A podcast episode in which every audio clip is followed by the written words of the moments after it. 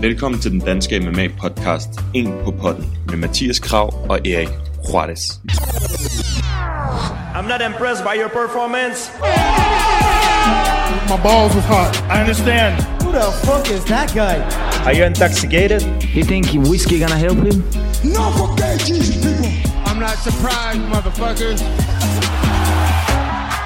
Her får du en på potten af Mathias Kram og Erik Juarez. Velkommen til episode 36 af En på potten, den danske MMA-podcast. I dag skal vi tale om det først annoncerede og så derefter aflyste UFC 249, ja. hvor vi, uh, ja, vi fik en lang næse. Ikke? Vi håbede, at det ville uh, komme til at ske, Ja. men Det-. Uh, det blev aflyst. Det er nok også for det bedste. Men uh, så får vi uh, besøg af Coach Kupti, eller Coach Kopti. Um, og så Jason fra Iron Fist Combat Tournament. Og så har Erik også nogle middleweight kampe, ved jeg. Ja, ja, det har jeg. Og så kan du tage welterweight næste gang. Ja. Ja, det bliver, en, øh, det bliver ikke så lang episode i dag. Øhm, fordi vi er lidt smasket, men øh, det går nok. Så øh, Ja, lad, os, det lad, os komme, at høre. lad os komme i gang. Ja, lad os komme i gang med at snakke om, øh, om de aflyste ting. Shit. Oh, y'all got pecan pop in this motherfucker too. Inden vi går officielt i gang med dagens episode, så vil jeg bare lige sige til jer, at vi er virkelig taknemmelige for alle jer, der lytter med hver evig eneste uge herinde på En på Potten. Hvis I gerne vil gøre noget mere for os og støtte podcasten noget mere, så husk at gå ind og anmelde podcasten ind på iTunes. Hvis I bruger noget andet, så find os ind på Facebook, hvor I også kan give os en anmeldelse og en anbefaling, så andre kan se, at det rent faktisk er en podcast, som er værd at lytte til. Hvis I har en Instagram-profil, I bruger, og hvis I deltager ind i debatten derinde, som nogle af jer øh, allerede gør, så må I meget gerne øh, screenshot jeres podcast-app, når I lytter til en på podden, eller tage et billede af jer, der lytter til øh, podcasten, og så skal vi nok reposte det ind på vores Instagram-story, så folk kan se, at de også skal lytte til en på podden. Tusind tak, fordi I støtter podcasten hver uge. Jeg håber, I vil nyde afsnittet. And I got the Nick Diaz Army with me. We're here to take take motherfuckers out. Ja, men altså, det, som du siger, det er jo... Det, vores, vores drømme blev lidt knust, og så på samme ja. tid, så giver det lidt, så giver det stadig lidt god mening, ikke? Jo, det er nok for det bedste. Men altså, nu har vi jo været udsultet for underholdning i lang tid efterhånden, ikke? Så man havde jo selvfølgelig håbet, at det ville komme til at ske. Og Dana, han snakkede jo store ord. Mm. Det kommer til at ske, og jeg har en ø, og du ved, der var, der var ikke det, han ikke kunne. Nej, ja, han, har en ø. Ja, men det, det er jo noget, han stadig har tænkt sig at gøre. Ja, det så lyder jeg har- spændende. Så, ja, så vidt jeg har forstået. Øhm, men, men det er jo stadig... Det, det er jo gået så hurtigt fra, det var nærmest fra den ene dag til den anden dag, ikke? at det gik fra, ja, det reddet Khabib, eller øh, hvad hedder det, Justin Gaethje mod Tony Ferguson, og så går der to dage, og så er det, det er cancelled. Ja. Det er, jo- det, man, man kan nærmest ikke engang vide, hvad, hvad der sker. Jeg, jeg, har, altså, jeg, vil sige, jeg vil sige, at officielt nu, alle mine forventninger om, at der kommer øh, MMA-stævner inden for de næste, i hvert fald den næste måned, de er, jeg har ingen forventninger. Nej, de er skudt helt i sænk. Er fuldstændig, mand. Og det er jo, Ja. ja. altså det er jo, hvad kan man sige, efter de aflyste det her event, så var jeg sådan, okay, nu, nu er det officielt, nu er det ikke, øh, nu kan de ikke redde den, før de, Ja, får, nu- før de får lov. Nu er der pause. For ja, real. Så, ja, for real pause. Øhm, ja, det Ja, i mellemtiden fra, hvad var det, fra Gaethje-kampen øh, blev annonceret, og indtil det blev aflyst, der, hvad hedder det, der er Rose, hun faldt jo også fra i hende, den der Andrade-kamp, rematchen, så ja, det kan være, Ja, der var jo åbenbart to af hendes familiemedlemmer, der var døde af coronavirusen. ja, Det er forfærdeligt, så det forstår man godt. Øhm, ja, og, og det er jo også bare sådan, tænk at få det at vide, inden man skal ind til sådan et event, hvor der er mulighed for, at der sker et eller andet. Ikke? Det er heller ikke lige, jeg tænker ikke, det lige ligger godt øh, hos en, hvis man lige har fået sådan noget at vide med, at der er to fra ens egen familie, der også har fået det. nej, Så tror, jeg, så tror jeg ikke, at man får endnu mere lyst til at hoppe ind i sådan et sted, hvor der er flere. nej, så er det ikke så vigtigt at, at kæmpe lige pludselig. Nej, men det, de har jo, jeg ved, at øh, de har lavet noget pro-wrestling, hvor de har lavet det uden publikum. Øhm, Ja, WWE ja. kører bare videre. ja, hvor de optager det, og så sender de det bagefter, og sådan noget, øh, så det ikke er live. Eller hvad det nu er. Ja. Øhm, Ja. Jeg har aldrig set det, tror jeg. Eller nogensinde, faktisk. Men, men det er jo sådan, det er jo været, det er en uges tid siden, eller sådan noget, at de gjorde det. Øhm, så der var jo snak om, at hvis de kan hvorfor skulle UFC så ikke kunne? Men uh, ESPN, de har ikke givet, de har sagt, de, og Disney, de har ikke givet lov til at... Uh, eller de vil i hvert fald ikke broadcaste, så giver det jo heller ikke nogen mening at gøre det, Nej, nej. kan man sige. Så er der ikke nogen, der ser kampene, uanset hvad. Jeg synes ellers, det var et fornuftigt kort, de havde fået bygget op. Ja, for fanden. Jeg var, øh, jeg var klar. Altså, jeg glæder mig vildt meget. Ja, ja, det, var, det blev mere og mere sådan, yes, yes, yes, yes, og så bare... Ja, altså bare lang næse, altså. Ja, ja, præcis. De havde nogle gode fights på det kort, ikke? Men, men som du også sagde lige inden vi begyndte at optage, at nu ser det højst sandsynligt ud til, at vi får Khabib mod Tony. Ja, altså det, det, det burde det jo ligge i kortene nu, at nu er der pause for real, nu er der ikke noget stress over, at vi skal have det her event op at køre, og det ene og det andet, så altså, ja. så må det jo, det, men det er jo selvfølgelig lang tid, fordi, hvad er det, Habib, han er først klar i sådan noget september, på grund af ramadan og sådan noget. Ja, men jeg tror også, at det første er der, at det hele er sådan nogenlunde tilbage til, til Det må du ikke sige, mand. Ej, det tror jeg. Jeg tror faktisk, det er at se, meget kort på det. det tror jeg sgu. Jeg har ingen Hvorfor siger forventninger. du sådan noget, mand? Men øh, det bliver jo spændende at høre. Jeg tænker, når, når Kubti kommer på, så kan vi lige høre, hvordan det var at være i, øh, i den der arena der, hvor der ikke var noget publikum og sådan ting. ja, Fordi han var jo med Damir Hatzovic i Brasilien, da de Det viste det event der. Øhm, det, det bliver jo spændende at høre om det. Men altså, hvad, hvad, vi vil gerne se Khabib og, og, og Tony selvfølgelig. Lad os sige, at den bliver til noget. Hvad, hvad, hvad skal der ske med Justin Gaethje så? Skal han mod Conor, eller hvad? Jamen, jeg bliver nødt til at holde fast i det, jeg siger, at jeg tror ikke, at, at, at uh, Conor han har lyst til at kæmpe mod Justin Gaethje. Jeg tror ikke, det kommer til at ske. Nej, altså for Conors skyld, tænker du? Ja, eller for for hans side af. Ja. Ja. Det er også en hård, det er en hård kamp, ikke? At skulle have. Men, men man kan sige, hvem skulle, el- hvem skulle han ellers kæmpe mod, hvis han skulle op imod øh, vinderen af Tony og Khabib? Mm. Det, det, puh, det er et godt spørgsmål. Ja, jeg kunne godt tænke mig, hvad med sådan en, så- altså jeg ved godt, at nu er han selvfølgelig ikke så langt op i rangeringerne, men jeg kunne, faktisk, jeg, jeg kunne godt tænke mig at se sådan en som uh, uh, Charles Oliveira, eller sådan noget. Uha, den er fandme også farlig for Conor. Ja, kunne det ikke være mig? Nå, ja, men når jeg tænker på Gaethje, Nå, ja, Gaethje, ja, ja, ja. Jamen, nu mente jeg mere med, hvem, hvis Conor han skal op og have det der titelskud, han snakker om. Hvad, Ja. Hvem skulle han så kæmpe mod, hvis det ikke det er Gaethje? Fordi jeg, er jo, jeg tror, vi er enige om, at Gaethje, han, altså, han øh, fortjener det langt mere end, altså, end nogle af de andre, ikke? Øh, I den division, udover Tony selvfølgelig. Øhm, så hvis Conor skal op og kæmpe, er det Gaethje, skal han igennem Gaethje først, eller tror du, han kan få lov til at springe over? Gaethje eller Tony skal han i hvert fald igennem, og jeg tror ikke han, jeg tror hellere han vil have Tony, end han vil have Gaethje. Mm. Ja, det, de er begge to iskolde. Så ja, det Ja. bliver... Øh, uanset hvad, så skal han i hvert fald mod en tough en. Men ja, det er rigtigt. Gaethje mod Oliveira, den kunne... Åh, den vil jeg fandme også gerne se. Oliveira, han er varm, mand. Rigtig mange i den der division er bare god lir, synes jeg. Ja, ja, og det, det er jo meget fedt, at vi lige nåede at se ham inden, du ved, det hele gik galt, ikke? Jo. Så kom han, lige, så kom han nemlig lige op i, i rankings, så man lige kan sådan, snakke ham med ind i det der, ikke? Fordi han, han skal ikke være overlooked. Nej, men det, det kan være, at det bliver ulempen for ham, at han bliver overlooked nu, fordi vi ligesom glemmer, der går så lang tid. Du ved, vi glemmer jo hurtigt. Ja, det er rigtigt. Nå, ham der, ja, han har også gjort det godt her på det seneste, faktisk. Mm. Ja, det kan sagtens være. Der er jo mange... Ja, Dan Hooker, Dustin Poirier, den skulle vist stadig gå igennem på et senere tidspunkt. Det er også en god kamp. Ja, den, det er den, også en sindssyg kamp. den bliver sprød, mand. Den bliver så nice. Jeg tror, det bliver sådan en classic, altså sådan en, man altid kan se tilbage på. Det tror jeg sgu. Burde det. Det burde det. Ja, ikke fordi, det, fordi Dustin Poirier, han er sådan en, der holder ud, og han har power, og Dan Hooker, han holder ud. Han kan tage hjernedødt mange slag. Jeg så den der Dan Hooker mod Edson Barbosa der. Jeg fik nærmest bare ondt i maven af at se den, altså fordi han fik så mange body kicks og sådan noget, ikke? Det er, og body shots. Ja, den bliver, den bliver vild. Den håber jeg også på. Så Tony mod uh, Khabib, og Dustin Poirier mod Dan Hooker. Og så skal vi bare have Justin Gaethje mod ja, Connor eller, eller en af de andre, der ligger i den top der. Men hvad har han? Tre knockout til streg. Justin Gaethje? Uh, han har Vic, og så havde han Barbosa, og så Roney. og så Roney her. Ja, ja, ja. Og Conor, han er jo også lige slået til Roney. Så det er jo, det var så i welterweight, ikke? Jo. Øh, Men, men ja, det er den samme modstander alligevel. Øh, og det var lidt på samme manér. Altså det der med, at det gik relativt stærkt øh, på begge to, så vidt jeg husker. Øh, Første jeg- omgang begge to, ja. ja. Ja. Så det vil være en... Øh, det vil være, ja, det vil, jeg vil gerne se den kamp, Conor mod Justin Gaethje. Det vil jeg ikke have noget imod at se.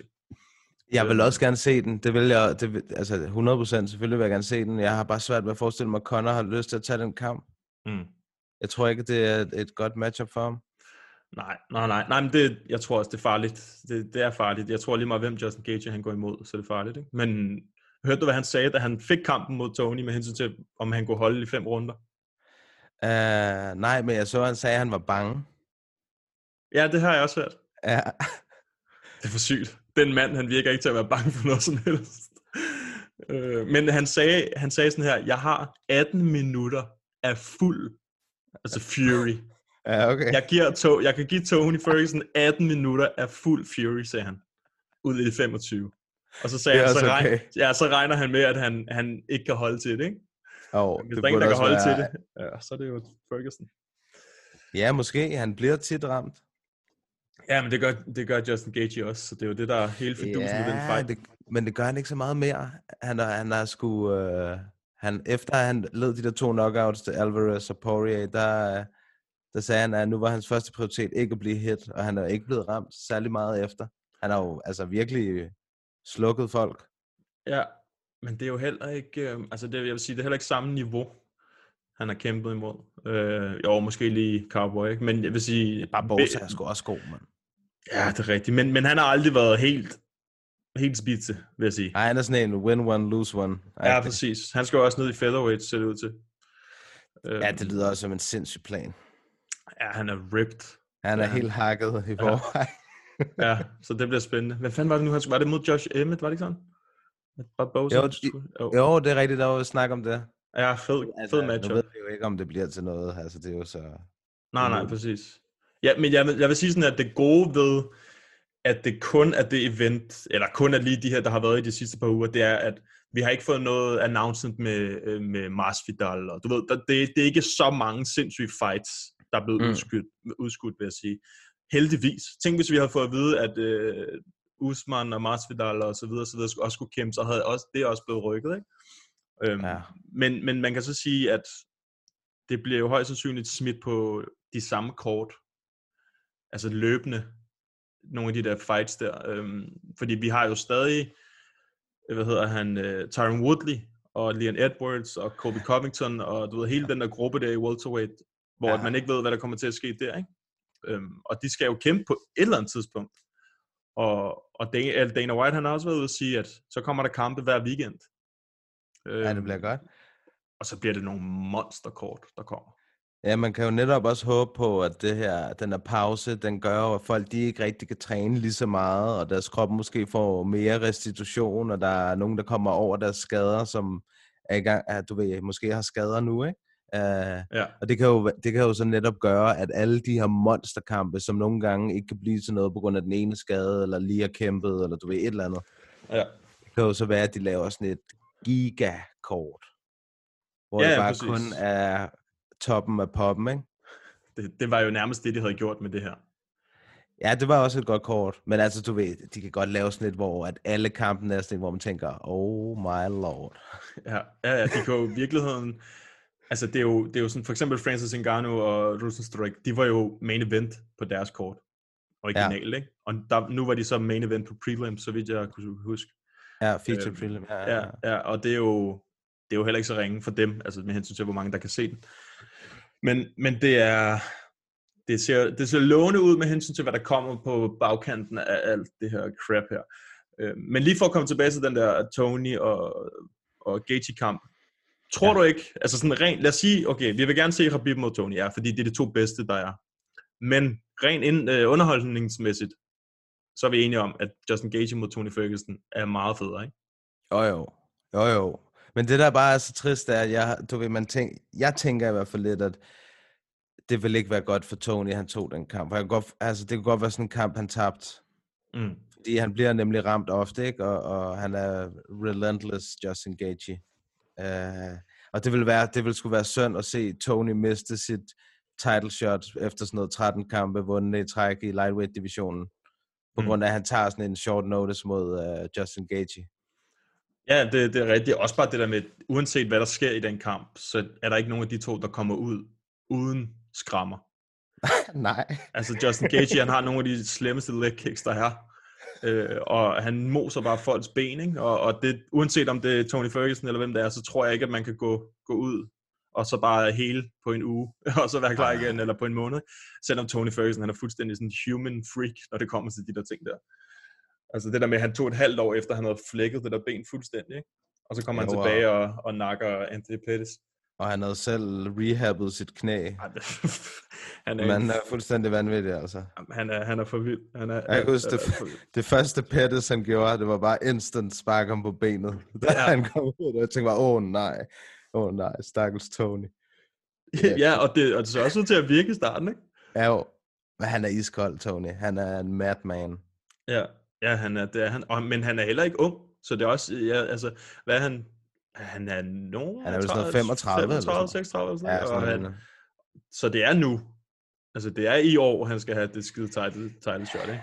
Ja, det, det, det vil, jeg synes bare, det ville være ærgerligt for ham, og hvis han nu skulle tabe den kamp til Gaethje, og så ligesom have mistet sit title shot. Og, og også altså på baggrund af alle de der fucked up ting, der har gjort, at han ikke har fået sit title shot endnu, ikke? Mm. Det vil være Ja, præcis. synes jeg. Ja, det vil være skide synd. Men, men hvis kampen ikke bliver til noget, så, altså, så, er, så er det en curse for livet. Altså, jeg, så tror jeg på Ja. forbandelser. 100. altså, hvis den kamp ikke bliver til noget efter alt det her, så tror jeg på forbandelser og hekse og spøgelser lige pludselig. Fordi det er fuldstændig uhørt, at det er sket så mange gange. Lad os nu bare få den kamp, altså, for fanden. Ja, ja. ja, ja. Vent til september så, så må det være sådan. Ja. Bare vi får den. ja vi, nu skal vi bare have den kamp, og nu er der ikke noget rush heller. Nej, Det, man, bliver sulten, man bliver jo sulten efter MMA. Det er jo helt, øh, det er jo helt sindssygt, hvordan man kan sidde sådan, "Ej, kom nu, vi vil bare se et eller andet, men altså, hvad synes du om, om beslutningen? Er, er, er det ikke meget fornuftigt, altså ikke at tage nogen chancer? Jo, jeg synes også, at egentlig, at det var det, at vi blev enige om sådan i, i starten, at da, da det her virusudbrud ligesom rigtig tog om sig, at vi sagde, at det er nok for det bedste, ikke at holde noget. Mm. Men selvfølgelig, når man så ser, at de har tænkt sig at gøre det, så får man det jo helt vildt, ikke? Altså, så, Jo. Det er også bare det der med, at når Dana White han siger, at jeg har den her ø, det lyder helt urealistisk, ikke? ja, det lyder Mortal Kombat style, mand. Øhm, og, og han får dem testet og sådan ting, hvor det er sådan lidt, det, fordi han holdt noget tilbage, så virkede det en lille smule sketchy.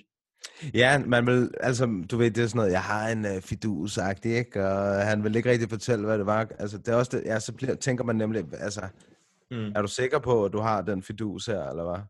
Ja, fordi han siger jo, at de har altid tænkt på uh, fighter health og safety og sådan noget, hvor det er sådan, ja, men før corona, som om at du gik og testede din, din kæmper for corona, før du vidste, hvad det var. Altså, det har du jo aldrig gjort. Og det skal han jo gøre, før at være 100% sikker, ikke? Og det, det er jo ikke, fordi det bare lige er noget, man gør. og så tager han tests for de andre, som er syge og sådan ting. Så det er jo, det er jo det er lettere sagt end gjort, ikke? Men jeg tror, han har kæmpet for at få det til at ske. Det er helt sikkert. Ja, det er helt sikkert, det tror jeg også. Han har garanteret kæmpet med næb og klør. Mm.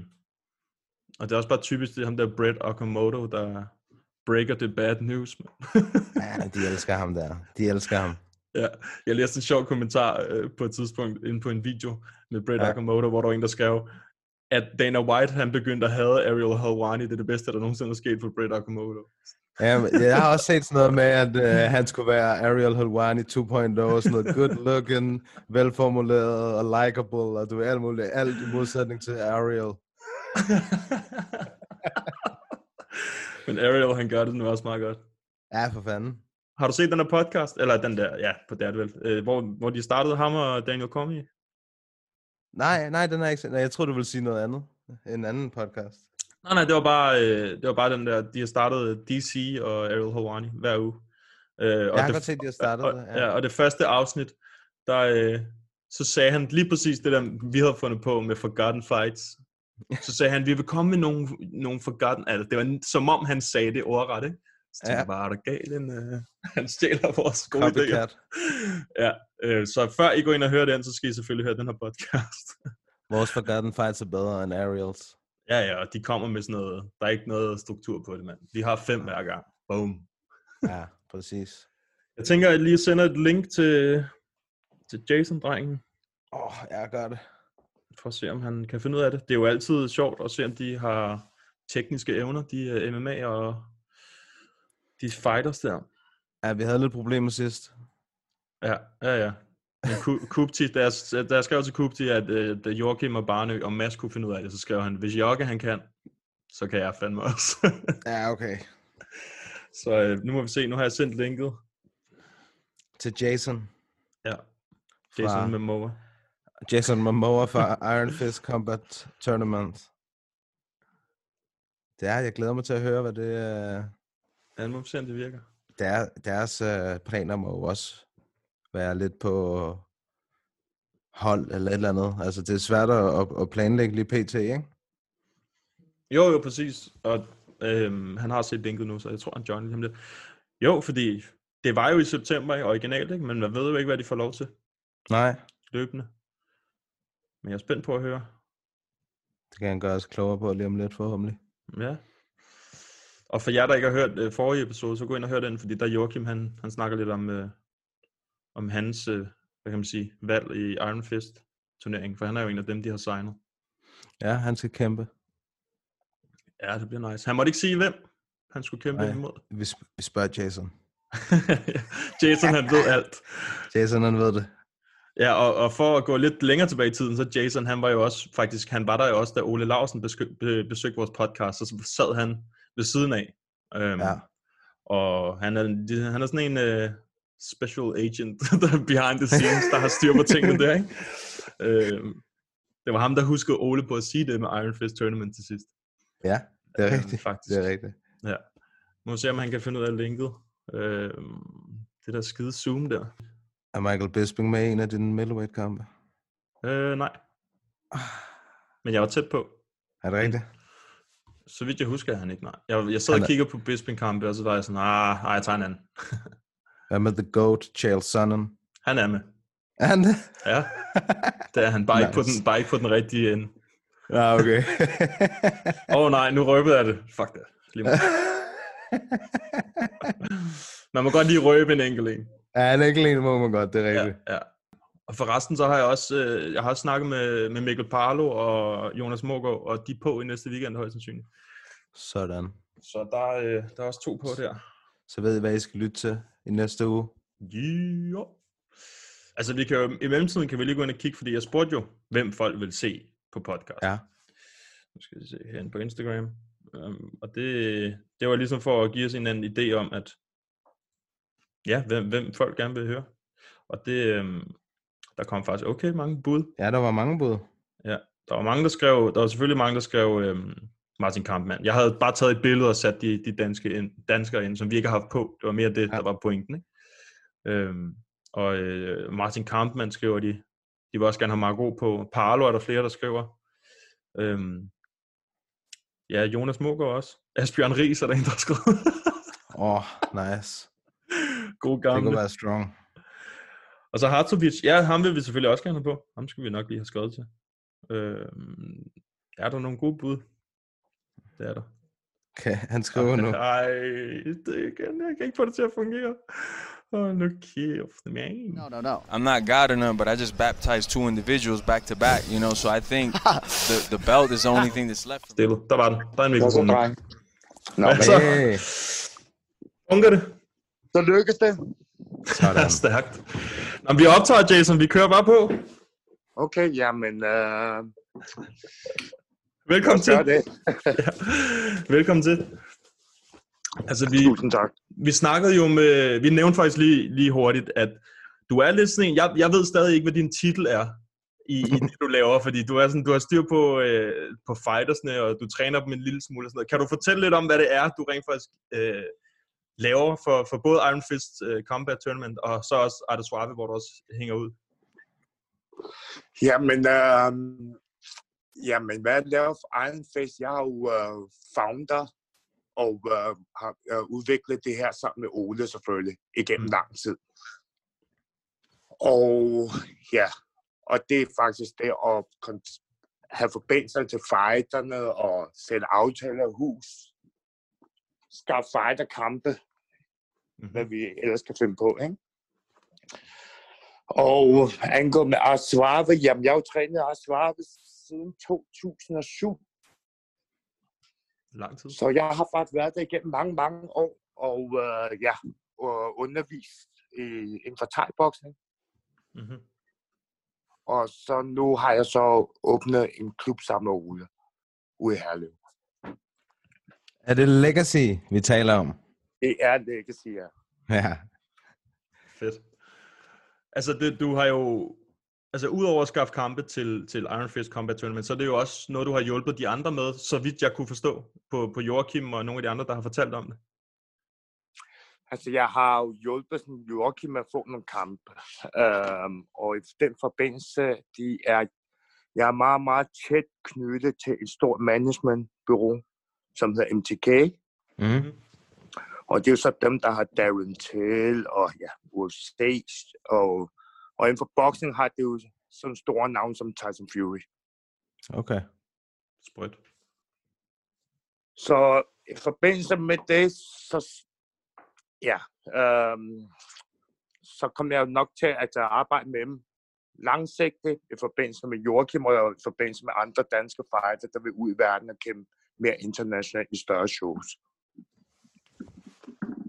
Ja, Spændende. det, jamen, det, er jo, det er jo det, de har givet udtryk for, at, at du har hjulpet, i hvert fald Joachim har, har givet udtryk for, at du har hjulpet ret meget med det, øh, med at skaffe nogle Ja. kampe og sådan noget. Det, det er jo fedt. Øhm, altså, hvad, hvad er det på, på sigt? Nu ved jeg godt, der er corona og alle de der ting. Øhm, altså, på sigt så Iron Fist Combat, det er til september. Er det det, der var planen, øh, eller stadig er planen måske? Nej, altså jo, øh, ikke september. Planen er sat øh, den 10. 10. 2020. Okay. Så oktober.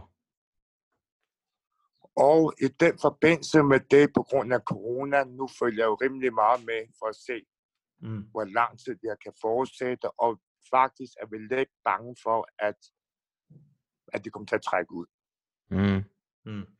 Ja, sådan kan det også godt... Og er en ting, vi åbner op i Danmark, og vi måske får lov, klubberne har også lukket, så atleterne eller fighterne har ikke et sted, de kan træne, altså få optimal træning. Det kan holde sig i form, men hvis jeg forstår, hvad jeg mener, de, de kan ikke Mhm. rigtig få et optimal træning. Nej, og I vil selvfølgelig gerne have, at, det, at der kommer top-tunede fighters ind i turneringen, tænker jeg. Ja, vi vil gerne have, at der selvfølgelig skal være top-tunet, og de skal ikke lige stå og tabe luft efter et minut. Mm. Nej. Så, Det og det, vi, det er også sådan lidt, en, øhm, kan man sige, at vi prøver, vi prøver at gøre sådan, at de også har tid til at træne op til de her kampe. Ja. Der skal også være tid til det, ikke? Mm. Mm. Og det er en, det er en mix af MMA og, og thai-boxing. Kickboxing. Det vi kommer til at gøre, vi kommer til at tage, kan man sige, meget konceptet fra One Championship, hvor det er MMA og thai-boxing med MMA-handsker. Mm. Og så står der på, på, når man ser det i tv, eller hvor man nu ser det, så står det så på, på bauden, at det er MMA eller det er thai-boxing. Lige præcis, ja. Yes. Lige præcis. Altså, hvad, hvad var beslutningen om, at, øh, altså, er det fordi, I synes, det format bare er fedt, eller er det fordi, I, begge, I begge to, at dig og Ole er vilde med MMA og thai-boxing? Altså, hvad- hvordan kom I frem til den beslutning? Jamen, vi kom frem, vi har jo i, i lang tid holdt øje med markedet. Og jeg må indrømme, jeg vil også sige, for tre år siden, der kunne det ikke betale sig at lave stævne, for det, der var bare et marked for det. Mm. Så vi har sådan holdt lidt øje med det, og selvfølgelig, vi har jo trænet kampsport hele vores liv, og vi føler lidt, at den danske scene mangler en stor international platform. Vi har en del rigtig dygtige, talentfulde danske kæmper, både i thai-boxing og i MMA, som ikke rigtig får lov til at, kan man sige, at vise. På- Fordi det er lige præcis svært at få kampe nogle dage. Ikke? Mm. Mm. Skulle det så, skulle Iron Fist Combat Tournament så kunne fungere som sådan et springbræt for øh, de danske kæmpere til både, i, altså selvfølgelig i thai-boxing og MMA, og ligesom at komme ud over de danske grænser? Lige præcis, ja. Altså Iron Fist Combat Tournament, øh, vi kommer også til at tu- turnere rundt. Det vil sige, at vi kommer også til at turnere, turnere i Asien. Okay. Er og vi nogle ved, der er mange steder? europæer og danskere, der vil til Asien og kæmpe, og vi ved, der er rigtig mange asiatiske fighter, der vil til Europa og kæmpe. Så på den måde kan vi kombinere de sammen. Og Ja, jeg vil sige, at vores, der er vores rødder, det er jo stærkest Asien, min og Oles. Mm. Så det er derfor, vi har den mulighed, ikke? Til at kunne gøre det. Hvorhen i Asien vil det så være? Vi har faktisk tænkt på at lave et, en øh, i Kuala Lumpur. Ja. Så når vi øh, laver shows i Asien, bliver det i Malaysia i Kuala Lumpur. Det er så der, jeg er født. Og, øh, og der er en kæmpe marked for det dernede.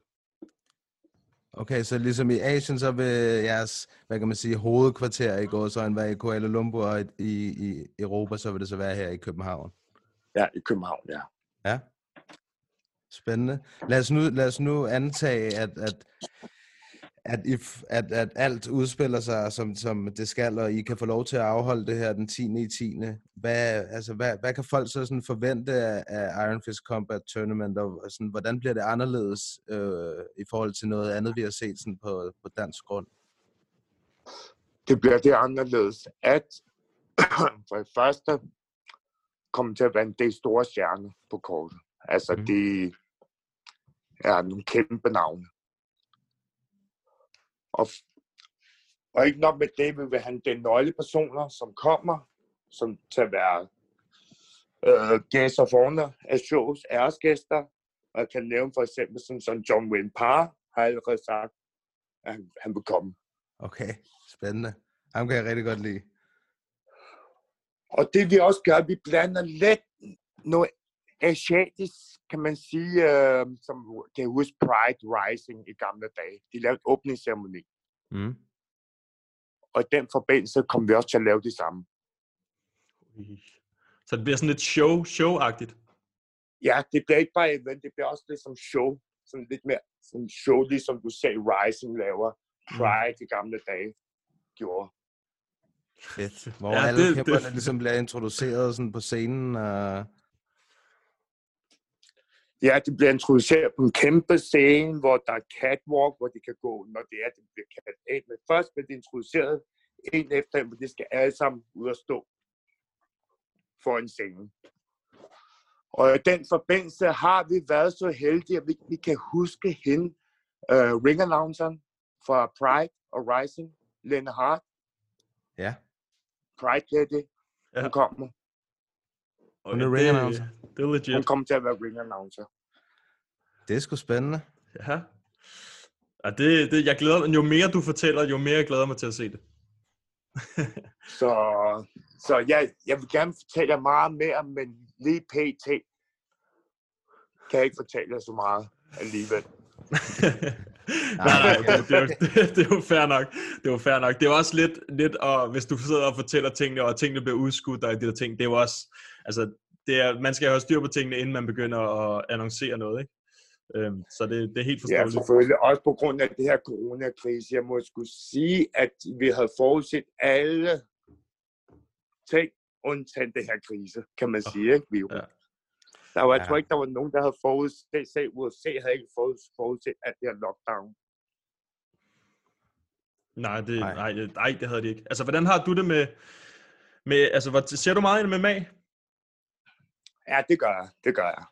Hvordan, altså mig og Mathias, vi er jo begge to ved at, altså vi, vi keder os jo efterhånden, ikke? Øhm, hvordan havde du det med, med, øh, eller hvordan har du det med, at der ikke er noget MMA at se, og ikke noget sport og sådan noget? Jeg synes, det er trist. det er rigtig trist. Og uh, ja, hvad kan jeg sige? Det er som, der, der mangler noget ens hverdag, ikke? jo, jo, det er, det er rigtigt. Vi, vi sad også og snakkede om, at det var, vi skulle snakke om, hvad ting, at, at UFC 249 lige var blevet aflyst, øh, frem for at det var blevet til noget. Ikke? Det er jo også en sørgelig ting, en kedelig ting. ja, det må jeg også sige. Ja, og sidder med... Altså, hvad, Men jeg var ellers spændt på at høre med den ø, de har fundet, som Dana White snakker om, Fight Island. Ja. ja. Så... Mortal Kombat. Ja. ja, ja det, jamen det er det. Altså, hvordan har du det med den der Tony, Tony Ferguson og Khabib fight? Er, det, uh, er, den, er den forbandet for livet? Eller kommer vi til at se den? Ja, det, det er som, der hviler en forbandelse over den kamp øh, mellem de to. Og jeg, jeg tror, det kommer til at ske. Jeg tror, at den dag, de får de her, den der kamp igennem, det kommer til at slå alt mm. i pay-per-view. Fordi folk har ventet rigtig lang tid på den kamp for at være helt ærlig. Mm. Ja, vi, vent, vi har ventet mange gange nu. Det er rigtigt, og folk venter stadig. ja. Hvad siger du, Mathias? Jeg spørger, hvem tror du, der vil vinde den kamp? Mellem Khabib og Tony. Khabib. Ja. Oh. Jeg tror bare, Khabib, han vil bare gøre det på den samme måde, han plejer at gøre. Ja, han vil lave, øh, hvad, er det, hvad er det, han selv siger? Smash. Smash my opponent. Ja. Ja. Ja men jeg tror også, det er i hvert fald det, der er hans taktik. Jeg tror ikke rigtig, han kan gøre så meget andet. Nej. Nej. Øhm, Og vi jeg har... tror bare, Tony, jeg tror bare, Tony, at han vil få problemer, lige så snart han bliver presset op af buret. Jeg tror ja. ikke, han kan stoppe Khabibs nedtagninger. Måske den første, måske nummer to, hvis han er heldig, men Khabib skal nok få ham ned på et eller andet tidspunkt. Hmm. Det plejer han i hvert fald. Ja. Er der nogle andre fights, som du ser frem til, som vi har hørt, hørt om? Det kan godt være, at de bliver aflyst jo, men det ved vi ikke. Men nogen, der er blevet announced, som, som måske kommer i fremtiden? Jamen, hvad kommer der i fremtiden? ja, det er godt. der er jo ikke rigtig nogen, der ved det jo, kan man sige, ikke? Jo, altså, der var jo den der Fran- uh, Francis Ngannou mod ham der uh, Rosenstruik. Heavyweight. Ja. Uh, jeg ved ikke, om du kender så meget til ham, uh, uh, hvad hedder han, Jairzinho Rosenstruik. Han er jo thai Ham kender jeg ikke så meget til. Ham, ham Jamen, så, så, så er det i hvert fald en, du skal, du skal holde øje med, hvis, det, hvis den bliver til noget. Fordi det er sådan en ren, øh, ren kickboxing-kamp, tror jeg, det bliver. Helt vi, har, vi, har fået, vi har fået nogle spørgsmål også, øh, Jason, til dig. Ja. Vi har, øh, det er inden for Instagram, det er Carlos, han spørger, er det vigtigt ikke at være kilden, når man, øh, når man fighter?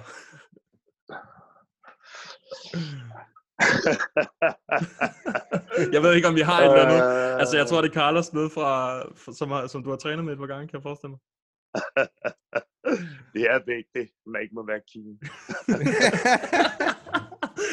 Det kan være, det er det, Khabib, han skal gøre på Tony. Ja. Øh, Ja, der er også uh, en, der hedder Navid. Han spørger, om du har en all-time favorite fighter. Oh, uh, all-time favorite fighter. Inden for MMA, eller bare i hele taget? Bare en fighter. Bare, en- ja. Jeg må skyde om, jeg kan godt lide St. Pierre, GSP. Han er altid været min favorit. Okay. Han er sgu også god. Stabilt valg, det vil jeg sige. Ja. Ja. Jokke Det sagde det jeg samme. sgu sige, du. Ja. George St. Pierre, på den måde, han er striker, og på den måde, han kan bruge sin striking og hans brydning, hvor god han er blevet på kort tid, ikke? Mm. Der vil jeg sige, der er han den George St. Pierre er min favorit. Jamen, han er, han er jo, altså man kan ikke komme udenom, at han er en af de bedste nogensinde. Det kan man sgu ikke. Ja. Mest well-rounded må han nok være en af dem også. Ja, lige præcis. Lige præcis. Helt bestemt. Vi har et spørgsmål fra Malte. Han spørger, hvem vil vinde af dig og Kupti i en kamp? er meget cool til, du ved jo. Man skal aldrig uh, fuck med Aswaves head coach, du. Så falder hammeren jo. oh, ja. Jamen, vi spørger Kup- Kupti om, om det samme, når han kommer på snart, så kan vi høre, hvad han siger. Uh, ja. Øh, Vi har også en fra, fra Julian, han skriver, har du også naver på, når du skal ind i ringen? Eller dengang du skulle det? selvfølgelig. Det var det, der var det bedste ved det hele, synes jeg. Det var naverne. Den dag, jeg ikke havde naver på, da jeg gik ind i buret eller i ringen, det var ligesom der, jeg vidste, okay, tiden er slut for mig, kan man Mm. mm. sige. Ikke? Mm. Så jeg må indrømme, at den sidste kamp med England, jeg havde for nogle år siden, det var der, jeg fandt ud af, at der var ikke mere i mig. For det første havde jeg bare slet ikke nervøs op til, jeg var, havde slet ikke laver på, da jeg gik ind, det var som jeg gik ind i søvne. Og jeg havde det på den måde, at okay, den her kamp skulle bare overstås. Og hvis du har det på den måde, så skal, så skal man bare stoppe. Mm. Det, ja, så er det jo vigtigt, at, at, øh, at man kan det. Jeg forestiller mig, at der er vel også er nogen, som har svært ved at stoppe, selvom de måske har det, som du havde det. Um, jeg havde sgu også svært ved at stoppe, det må jeg sgu indrømme. der, var- jeg vil sige, der var måske mange kampe, jeg slet ikke burde kæmpe. på grund af skader. Jeg har været igennem mange operationer. Gik for hurtigt i gang. Jeg var faktisk slet ikke klar. Men, så, men jeg prøver at overbevise mig selv. Jeg kan stadig, jeg kan stadig. Men kroppen, det sagde bare fra. Mm. Hvor, lang, hvor, lang, hvor mange år kæmpede du, altså i, i alt? Jeg startede med at kæmpe thai-boksning, da jeg var 13-14 år. Puh, Det er lang tid så. Og ja. Og jeg er 42 nu. Min sidste MMA-kamp, det var i... Hvornår var det? det? er 2017, tror jeg. 18. 17, 18. Okay, det er ikke så forfærdeligt lang tid siden. Nej. Hvordan øh, med jeres øh, legacy gym? Jeg forestiller mig, det er, er svært for gyms i de her dage med coronatider og kontingent og alt sådan noget. Det er rigtigt. Og vi, har, vi er heldigvis så glade for, at vi har nogle elever, som stadig bliver ved med at betale for at støtte op. Mm. Så det er på den måde, vi overlever indtil videre. Mm. Hvordan er det nu ellers? i- får vi også se, hvor lang tid det får... Altså, det bliver ved med at være lockdown, men altså, vi prøver også bare at overleve, kan man sige. Ikke? Mm. Er det kun uh, thai-boksning i legacy? Uh, ja, thai-boksning, MMA, og så har vi haft en uh, dialog med Andy. Jeg ved ikke, om I ved, hvem det er. Det er ham, der står for Dansk Ligway Federation. Lightweight, ja. Ja, at det vil eventuelt, om vi de kunne få nogle tider ned hos os.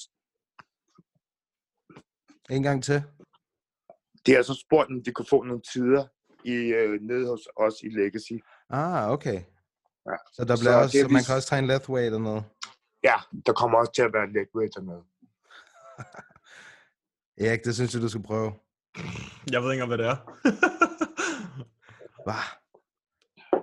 Der må, du må også ikke skaller i Lightweight. Åh, oh, ja, jamen det, vi kan tage en fight, hvis det er. Nå, men Jason, uh, Jason, det var fedt, du lige gad at komme og forklare lidt mere. Um, vi får snart, Jamen, vi får snart Kupti på. Vi kan jo også, uh, når, når alt det her corona-crap er overstået, så kan vi jo komme, altså kan I komme rigtigt i gang, og så kan vi jo tage en rigtig snak om, hvordan tingene ser ud, når det hele er op at køre. Um, så folk virkelig, så, så I kan sige mere specifikt, hvor man skal se det, hvad man skal gøre, og, og så videre, og så videre, hvem der kommer på kortene og sådan noget. Det, det er jo det, jeg glæder mig mest til at se, hvem det er, jeg har fået fat i. Øh, mm. Det bliver fedt. Vi ved jo, Joachim Ja, er der. Det er jo altid noget.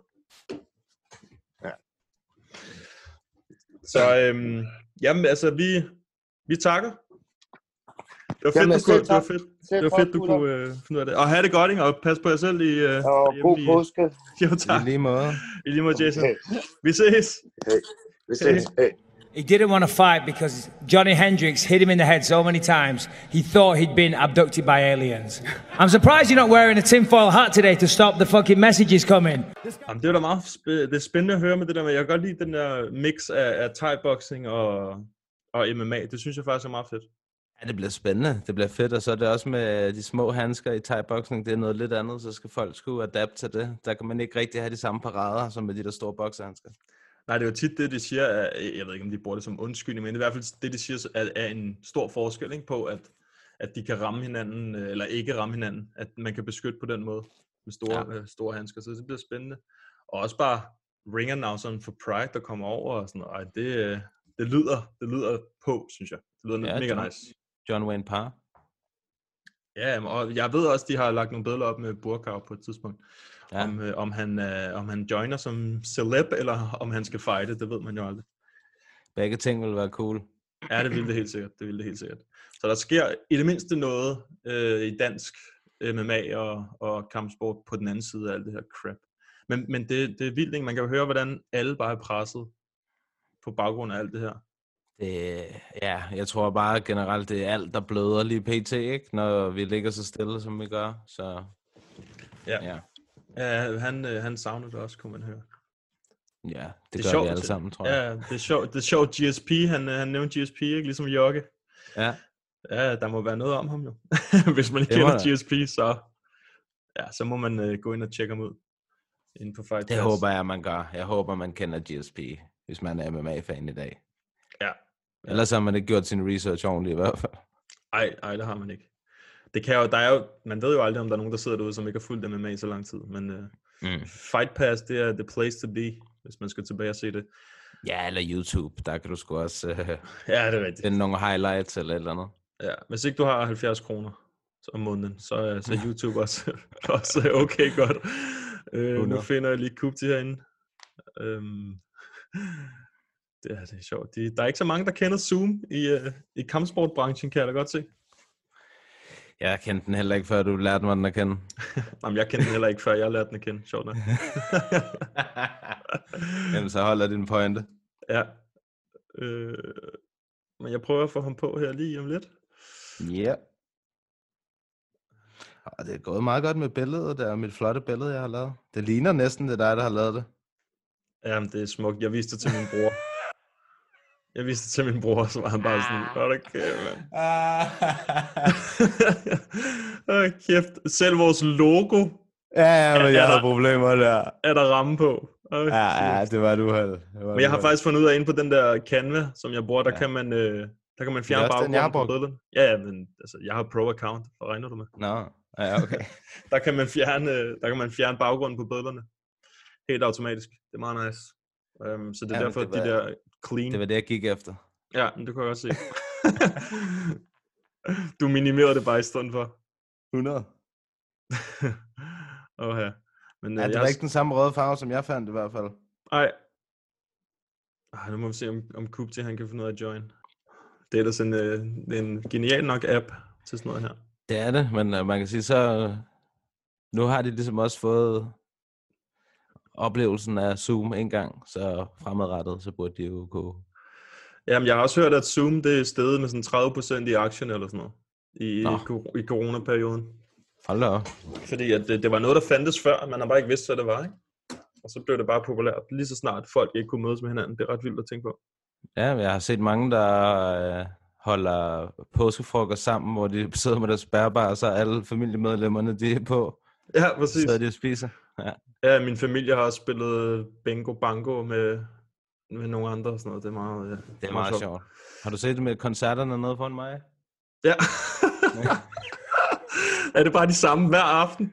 Hver dag kl. 19. Ej, det er fandme kong. Det er kun i Brøndby. Ja, Det, det, det, det, er de eneste, det er de eneste, der synger, eller de eneste, der skråler, ikke? Er det ikke dem? Ja, eller er de, der synger flere? ikke, de, de, de synger ikke, de spiller bare musik. Nå, okay, nå, okay. Spiller de, hver dag spiller de, kl. 19 spiller de fire numre. Okay, hvor sjovt.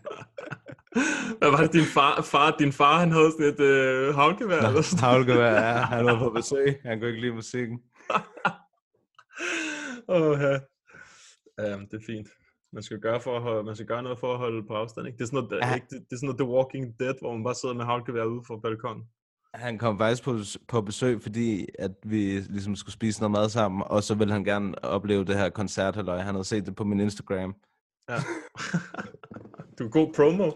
Du skal have, ja. Du skal have noget... Øh... Jeg skal have procenter. Ja, du skal.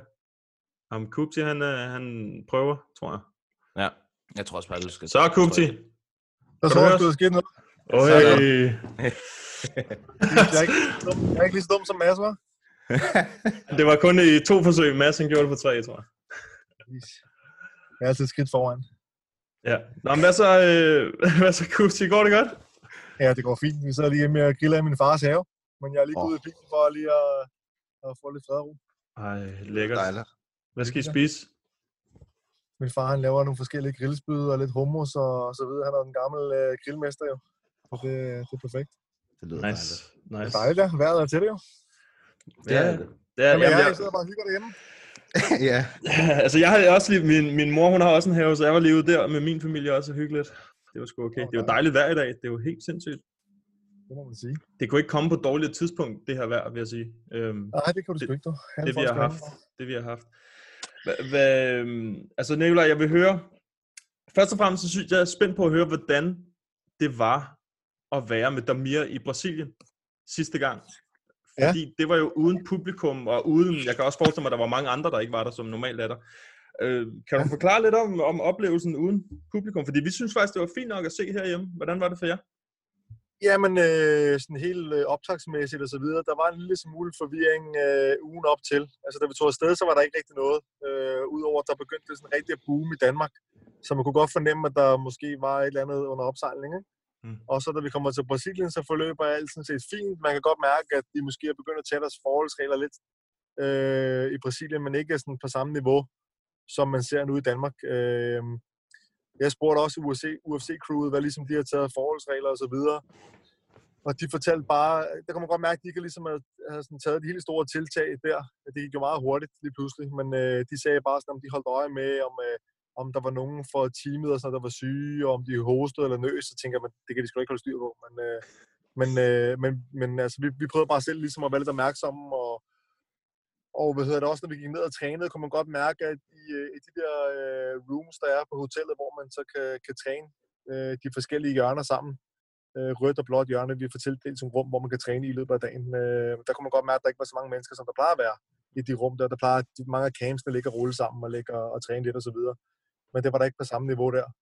Øh, og så fik vi så at vide et par dage i forvejen, for vi var sådan, vi fulgte bare med i nyhederne, ligesom, hvad sker der med UFC, og bliver det til noget, bliver det ikke til noget, og, og så øh, et par dage i forvejen, mener jeg, de sagde, at øh, øh, me, øh, fordi han var med, øh, Demir var med på mainkortet, så han skulle være med i Media Day. Mm. Og det blev så aflyst som det første. Og så tænkte vi, nå okay, der kommer sgu til at være nogle tiltag her. Øh, og så sagde de så dagen efter, tror jeg, at, øh, at der kommer til at være uden publikum, øh, for det er det talt med myndighederne om i, i Brasilia. Og, øh, og det kommer til at forløbe på en lidt anden måde, end det plejede. Hvor opvarmningslokalet kom så, normalt bliver du kørt ud, og så er du er i, i arenaen tre timer i forvejen, og så har du så tre timer der, hvor du ligesom kan falde til, og så kan du begynde at varme op, som det nu passer dig. Men her skulle vi så være nede øh, i nogle rum, hvor de, har til, hvor de har lavet det ligesom træningsrum dernede på selve hotellet, og der skulle du så få bundet hænder og lavet din hovedopvarmning der, og så ville du så blive kørt ud derfra øh, sammen med dit team, ikke andre, ud til arenaen, cirka sådan 45 minutter før du skulle kæmpe, så kunne du lige varme det sidste op der, og så bare ind og kæmpe. Og det forløb faktisk super fint, der var ikke noget der overhovedet. Øh, det var ret mærkeligt at komme til en arena, hvor det var, var helt tomt, og der overhovedet ikke var nogen mennesker ude foran. Men da vi så kom ind, der, øh, der forløb det sådan set, som det plejede. Det eneste forskel var bare, at der ikke var noget publikum. Jeg synes et eller andet sted faktisk, det var meget fedt, for det hele kørte bare snor lige. Mm. Øh, så der var bare hotellet varme op, derude, og så færdig. Og så bare hjem til hotellet igen med det samme. Og der, der, der normalt har de også en green room på, på, i arenaen, hvor du sidder og ser de andre kampe ude bag, og så venter, og så spiser og så videre, og venter til folk er færdige, og så bliver busserne så kørt hjem stille og roligt efter en. Men lige efter her, bliver du bare kørt tilbage til, til hotellet, og så er de så lavet det der green room på hotellet i stedet for. Så jeg synes faktisk, det var meget fedt. Der var ikke så meget ventetid eller noget. Der var bare bup, og vel og tak. Og så tilbage Okay. til hotellet. Okay. Så det forløb sådan set præcis som det plejer. Der var bare ikke noget, noget publikum, men stemningsmæssigt er det selvfølgelig fedt nok, men jeg synes ikke rigtig, altså jeg ved, kæmperne, de lægger sgu sjældent mærke til det, fordi de er bare inde i sådan en zone, og det er også selv, når jeg, når jeg coacher, så, du ved, så lægger jeg sgu ikke rigtig så meget mærke til det helt store. Så er der bare fokus på ligesom uh, kommunikationen mellem mig og så den, der nu skal kæmpe. Mm. Hvad med, i hvad med i forhold til selve kampen? Altså, hvordan oplevede du, det gik jo desværre lidt hurtigt for, for os danskere, kan man sige. Hvordan oplevede Ja. du kampen? Ja, men jeg var sgu, jeg var også lidt øh, trist over det, ikke? og skuffet på Demirs vegne, og han var også lidt rigtig skuffet. Jeg ved, han er, altså, jeg, han, han har fandme lagt meget af den her camp her, og han er, jeg synes faktisk, han er det skarpeste, jeg overhovedet har set ham øh, i den tid, jeg har arbejdet sammen med ham. Der, der, han, der, og det er siden øh, Martin Held-kampen var den første kamp, vi havde sammen. Ikke? Men, øh, men jeg synes fandme, at han var skarp, så jeg synes, det var rigtig synd, at han ikke øh, fik vist mere. Og øh, jeg havde også selv glædet mig sindssygt meget til at se det matchup der. Også som fan faktisk, jeg rigtig, rigtig glædet mig til at se det matchup, så jeg synes, det var rigtig ærgerligt, at han ikke fik vist mere, for jeg ved, at han kan vise så meget mere end det der, og det ved han også godt selv. Så det skar sgu lidt i mit hjerte, også fordi jeg holder jo, udover at han er en af mine, øh, en af mine atleter, så holder jeg også utrolig meget af det mere på det personlige plan, og vi er også rigtig gode venner ved siden af. Så det gjorde sgu ondt at se, det skete, for jeg ved også, at det var, var en kniv i hjertet på ham lige snart, da den blev afsluttet, den kamp der. Øh, der var nogle tekniske detaljer, jeg sådan brød ned, da vi kom tilbage på hotellet, som jeg også har taget med dem i efterfølgende. Og, og han, han kommer til at lave tre fejl på de der nogle 40 sekunder, ikke? og det, det kan du ikke øh, slippe afsted med på det niveau der. Mm. Og hvorfor han lavede dem, det er jo, det er jo svært at sige. Altså, det er jo, øh, nogle gange så går klappen bare ned, og nogle gange er man bare ikke lige til stede, men det var han faktisk, Demir. Demir var fandme til stede, og han var med mig på, inden vi gik ind, og ugen forløb pisse godt. Han havde haft det bedste vækkort, han nogensinde har haft. Altså, alt fungerede bare snorlige. Der er overhovedet ingen undskyldninger. Øh, så ja, det, gik- det, dagen var bare ikke, som den skulle have været. og det sker jo en gang imellem den sport der. Det, det er en utaknemmelig sport. Du går enten til et bryllup eller til en begravelse, og nogle gange har vi været på den anden side, og nogle gange er man på den modsatte side, og vi har jo selv prøvet, også med Demir, at have den vildeste optur, hvor han er nede med to runder mod Marcin Held, og så vinder han på knockout øh, i, i tredje runde, og det var totalt nedtur for Marcin Held der, og nu stod vi bare på den anden side, ikke? så det var, det var selvfølgelig ikke så sjovt, at det er en lang tur hjem fra Brasilien. det, det, går så stærkt, at der er corona, og man ved ikke, om man kan komme hjem og så videre. Så, øh, men altså, sådan er det, og du, du ved, det, det har jeg skulle lært igennem mange år i den sport, det er, at, at sådan, sådan er det en gang imellem, og det kan man ikke gå helt ned af. Det er bare hjem og arbejde videre, og, og jeg har brugt nogle ting ned med Demir, som jeg godt kunne tænke mig at se fra hans side, og som man også er enig i, og jeg ved også, at der er nogle ting, han gerne selv vil, vil vise over for sig selv, så han, øh, han, han kan vise øh, fansene, han, han kan meget mere end det der. Ikke? Så det var selvfølgelig skuffende, men der er jo ikke så meget at gøre ved det nu, kan man sige. Mm. Andet bare arbejde videre. Hvad, hvad med i forhold til øh, Moicanos opførsel bagefter? Hvad, Nå ja, ja, i forhold til det der, der var jeg selv totalt forvirret, fordi at, øh, ja, det ved jeg, det lige da der er, at kampen bliver afsluttet, så derfor, hvor jeg sidder, altså man, man ser faktisk ikke altid så godt, når man sidder som corner. Mange tror, vi har de bedste pladser, men det er faktisk ikke altid, man ser så godt. Øh, og lige på det tidspunkt, der, den side, jeg ser fra, der tror jeg faktisk, at Damir, han måske har gået ud et split sekund øh, af choken der. Og tit og ofte, så ser man jo, når folk de går ud af choken, så, så, så, så vågner de lige pludselig op og tror, at kampen stadig er i gang. Og jeg tror faktisk, det er det, der sker. Så jeg tror, at det er Damir, der lige pludselig bare sådan, øh, vågner op og, og bliver irriteret over at han tror, at kampen er i gang. Så jeg råber at Demir, du ved, han skal slappe af og, og, og falde til ro, fordi at hvis det er, man lige har tabt og står og skaber som en, som en idiot, det ser totalt åndssvagt ud. Ikke?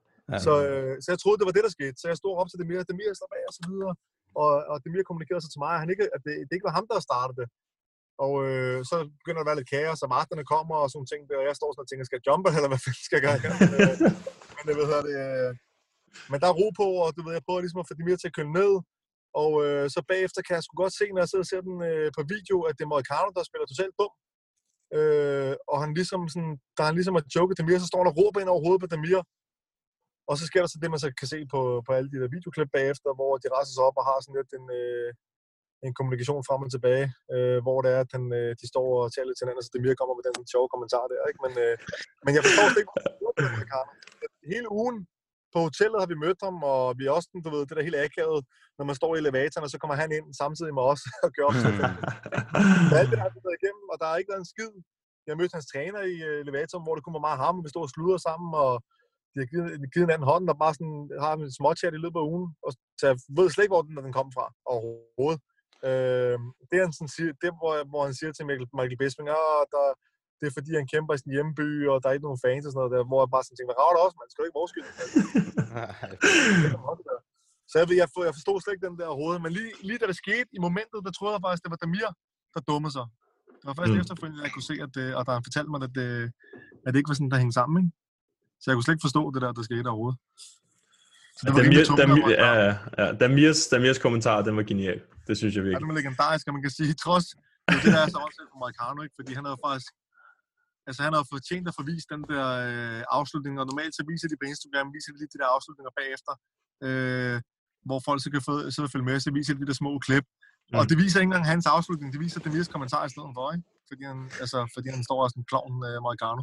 Så det var pænt tumpet af ham selv jo. Han nærmest ikke, ikke fik noget opmærksomhed, som han faktisk havde fortjent for den flotte performance, han lavede der, ikke? Jo, det virkede, det virkede helt vildt underligt, også da man så det derhjemmefra.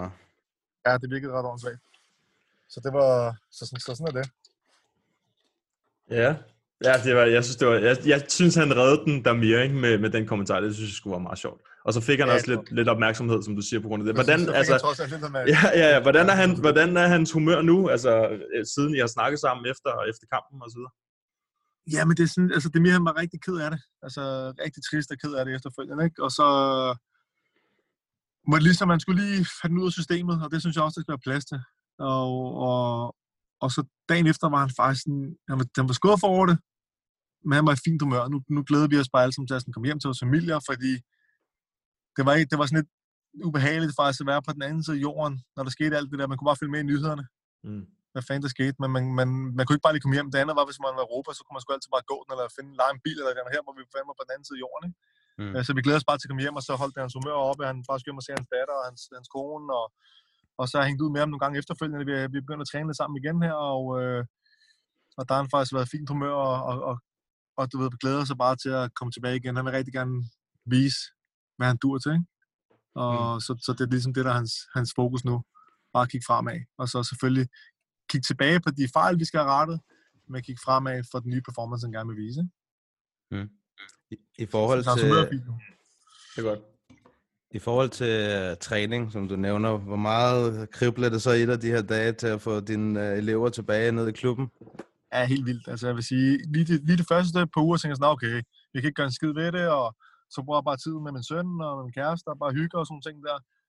Men uh, fuck, mand, jeg glæder mig til at komme ned og undervise igen. Er du sindssyg, mand? Det kan godt mærke, at nu, uh, nu er jeg ved at blive sindssyg. Så, uh, så jeg prøver bare, jeg, jeg, jeg, træner, for, jeg træner selv uh, der, hvor jeg bor, uh, så har jeg bare lavet sådan en træningsbane og lavet nogle skyggeboksen og sådan nogle forskellige ting, og så er jeg bare øh, begyndt at skrive ud i vores øh, lukkede MMA-gruppe, Ja, hvis folk har lyst til at komme og join, øh, så skriver det ud dagen før. Og jeg tror også, at her i næste uge vil begynde at lave noget kickboxing drill-træning udenfor på den græsplæne hjemme med mig, og så gør vi det bare maks 10 personer, ikke? Ja. Jeg har også tænkt over, hvis vi bliver mere end 10 personer, deler dem bare i to hold og står bare og råber og skriger med den, så er vi jo stadig kun 2 gange 10 sammen. Øh, men, øh, men altså, vi, er, vi, vi laver noget udendørs fysisk træning og sådan noget der nu, og folk prøver at holde sig i gang, som de nu kan. Men ellers så restituerer folk også bare, ikke? Så er det også meget rart at komme så over alle de småskonker, man render rundt med. Øh, men jo, jeg, jeg savner sindssygt meget at komme ned og undervise. Fuck, jeg savner det meget, så det glæder jeg mig til at komme i gang med igen. Ja, Men øh, det er lidt ude af vores hænder lige nu, så det kan ikke rigtig gøre så meget. Nej, nej, men det er jo det, vi snakkede også lige med, med Jason. Han sagde jo også, at det eneste, man ikke kunne, altså man kunne have forberedt sig på de næste fem måneder, ikke? men man kunne ikke have regnet med, at der ville komme sådan en her coronakris og, og fuck det. det hele op. Og øh, ja, så det er jo, det er jo noget, man ikke kan forberede sig på, eller forvente, Præcis. det sker. Det er Øhm. pisse ærgerligt, også med stævnerne og de kampe, der var, der var forud. Jeg glæder mig vanvittigt meget til Louis' kamp. Ikke? Mod Stål, det er en kamp, jeg gerne vil lave i flere år, og så kommer den endelig på benene, mand. Altså, ja, så den er blevet udskudt, og så Panis kamp også mod Besko Herter. Det havde jeg også glædet mig sindssygt meget til, ikke? Men øh, sådan er det. De kommer forhåbentlig senere på året.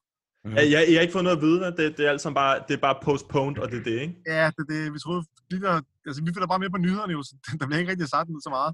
Så det er lige, da Dana White siger det der med den ø, så, så, så jeg skrev tilbage, nå okay, vi skal åbenbart til en ø. og jeg prøvede sådan hele tiden at vente på, at de offentliggjorde noget med Khabib Tony-kampen, for så tænkte jeg, så er det der, vi skal ind og kæmpe, hvor den kamp bliver kæmpet. Og så skrev jeg med nogle af mine venner i USA, øh, nogle fra Extreme Couture, blandt andet Erik, øh, som øh, er manager i Extreme Couture, han står i hjørnet for, øh, for Francis Ngannou.